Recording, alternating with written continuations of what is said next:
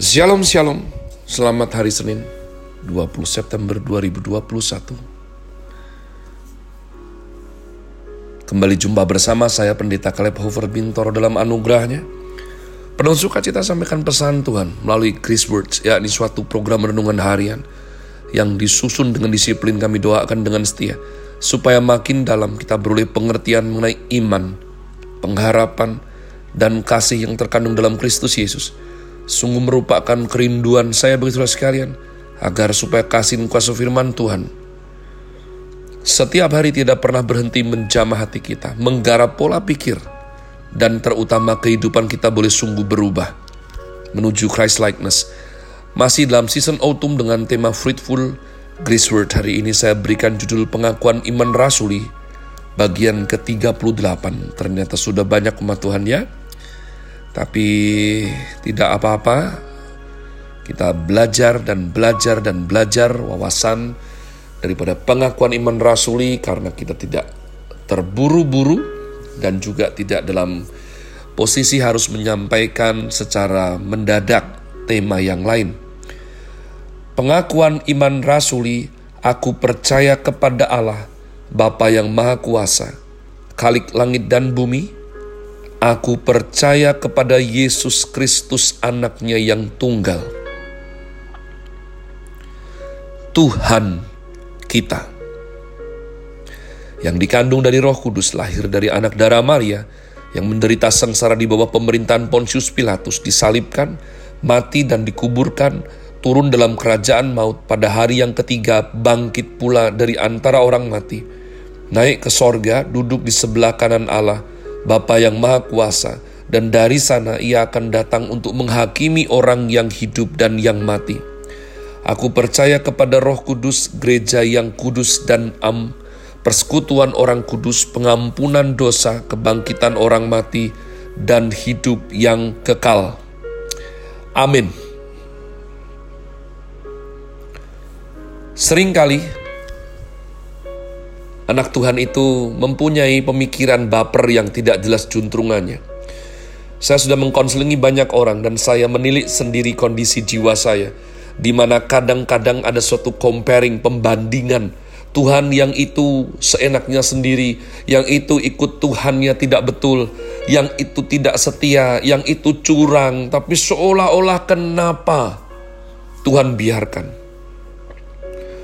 Bahkan seolah-olah nasibnya hidupnya lebih mujur daripada kami yang betul-betul berjuang hidup benar. Umat Tuhan, Tuhan membiarkan manusia bebas, liar, semau sendiri, sampai saat manusia sudah terlalu kurang ajar. Tuhan berkata, Mene mene tekel uvarzin. Ya, yang artinya masa pemerintahan Tuanku dihitung Allah dan telah diakhiri. Itulah yang dikatakan kepada Raja Belshazzar di Babel dan juga dialami oleh Jepang dan Jerman. Mene mene tekel uvarzin. Masa pemerintahan dihitung Tuhan dan sekarang telah diakhiri baik manusia secara pribadi maupun suatu bangsa besar yang arogan yang pengen menaklukkan dunia ini. Hancur. Tidak tahukah saudara bahwa Tuhan benci kesombongan? Saatnya tiba di mana Hitler tidak berani ada di muka bumi. Ia turun ke bunker yang sangat dalam di bawah tanah, tempat teraman di dunia ia bersama pacarnya, beberapa jenderalnya, dan seekor anjing yang setia. Jika ia harus mati, pacarnya harus mati duluan. Dia tidak ingin membiarkan pacarnya dipermainkan musuh, dan ia terlalu sayang anjingnya. Ia juga membiarkan anjingnya mati. Saat semua laporan sampai ke bunker memberitahunya bahwa sekarang pasukan sekutu dan Rusia sudah masuk Berlin, di mana pasukan Rusia dipimpin oleh Jenderal Zhukov Pasukan sekutu dipimpin oleh Jenderal Eisenhower. Kedua jenderal itu masuk ke Berlin, mau memperebutkan siapa terlebih dahulu mentaklukkan Hitler. Dan akhirnya mereka berdiri di atas bunker dan Hitler tidak tahu. Zukov berjabatan tangan dengan Eisenhower. Kita telah mengalahkan Jerman dan kita menyelesaikan perang dunia yang kedua di Eropa. Hitler akan kita temukan dan bunuh dia. Adolf Hitler tahu ia tidak ada hari depan, tidak ada kehormatan, Orang benci dengan caranya yang begitu telengas sadis. Dia membantai banyak sekali. Berjuta-juta orang tidak berdaya. Umat Tuhan pada saat prajurit saling bunuh di medan pertempuran. Itu sadis. Tapi itu perintah. Prajurit melaksanakan daripada strategi komandan ataupun jenderalnya. Tapi di dunia yang kejam sekalipun, di dunia yang tidak semua jenderal itu percaya Tuhan Yesus Kristus. Mereka bisa percaya apa pun umat Tuhan memakai strategi ya membunuh rakyat jelata itu disetujui sebagai suatu kejahatan perang yang tidak terampuni. Dan Hitler membunuh 6 juta orang Yahudi dan 2 juta yang lain campuran daripada Polandia dan suku-suku bangsa lainnya. Tidak ada masa depan, tidak ada kehormatan. Maka ia memberi racun yang pertama pada anjingnya yang sangat setia, lalu pada pacarnya. Sesudah mereka mati, ia mengambil pistol menembak diri sendiri. Hitler Mussolini mati dengan sangat pahit. Ya, Hirohito diizinkan hidup. Nah itu dia. Ya, menariknya belajar sejarah. Saat mati, jasad Mussolini, diktator Italia, dibawa ke alun-alun kota Roma. Dan orang-orang di Roma dipersilahkan menghina dan meludahi mayatnya. Banyak orang sengaja datang meludahi Mussolini maka seluruh badan Mussolini ini penuh ludahan kotoran mulut. Inilah, inilah karena dia membuat hati seluruh rakyat itu luka umat Tuhan. Orang yang sombong, orang yang takut, tidak takut akan Tuhan. Orang yang menyebut diri sendiri Tuhan, hancur dengan hebat. Saat para kaisar menganggap diri paling hebat, maka Tuhan mempermalukan mereka. Ada suatu artikel yang menulis bahwa Yudas Iskariot itu gantung diri dan tubuhnya putus umat Tuhan. Ya, dan hanya Saddam Hussein yang juga tubuhnya pun putus. Kadang saya tidak mengerti saya ini artikel salah atau atau bagaimana, tapi tertulis seperti itu dan seolah-olah memang artikel itu kredibilitasnya lumayan umat Tuhan. Kenapa tulang dan uratnya tidak kuat? Semua orang yang digantung tubuhnya masih utuh. Saya punya anggota geng zaman dulu dengan bodoh mengakhiri hidupnya dan dan masih utuh. Ya, tapi ini tubuh dan kepala putus. Tali rafia saja ditarik-tarik tidak mau putus.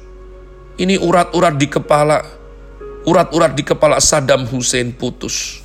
Saya percaya pasti ada kedaulatan Tuhan bagi orang-orang yang jahat, yang sombong, tidak takut akan Tuhan, yang bahkan menyebut dirinya Tuhan Para kaisar menyebut diri akulah Tuhan. Kekaisaran Romawi hancur. Sama seperti yang dikatakan oleh Will Durant, bahwa kekaisaran Romawi bukanlah dihancurkan kekuatan militer dari luar, bukan. Tapi hancur dari dalam, dihancurkan mereka sendiri.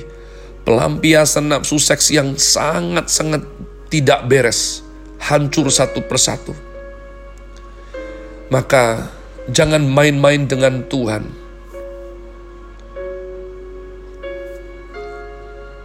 saya bisa bertumbuh sampai hari ini.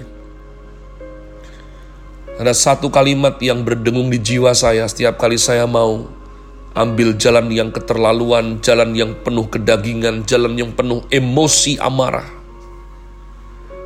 Kalimat ini kalau saya lontarkan kepada anak saya, mungkin keluarga saya yang baru dibakar oleh api amarah, tidak ada yang suka. Pada waktu di saya sendiri juga saya tidak suka. Tapi justru pada saat kedagingan kita menggeliat, amarah kita paling hebat, suka tidak suka. Bisakah kamu jawab? Pertanyaan itu berbunyi, siapa Tuhanmu? Dalam kondisi emosi jiwa paling buruk, siapa Tuhanmu?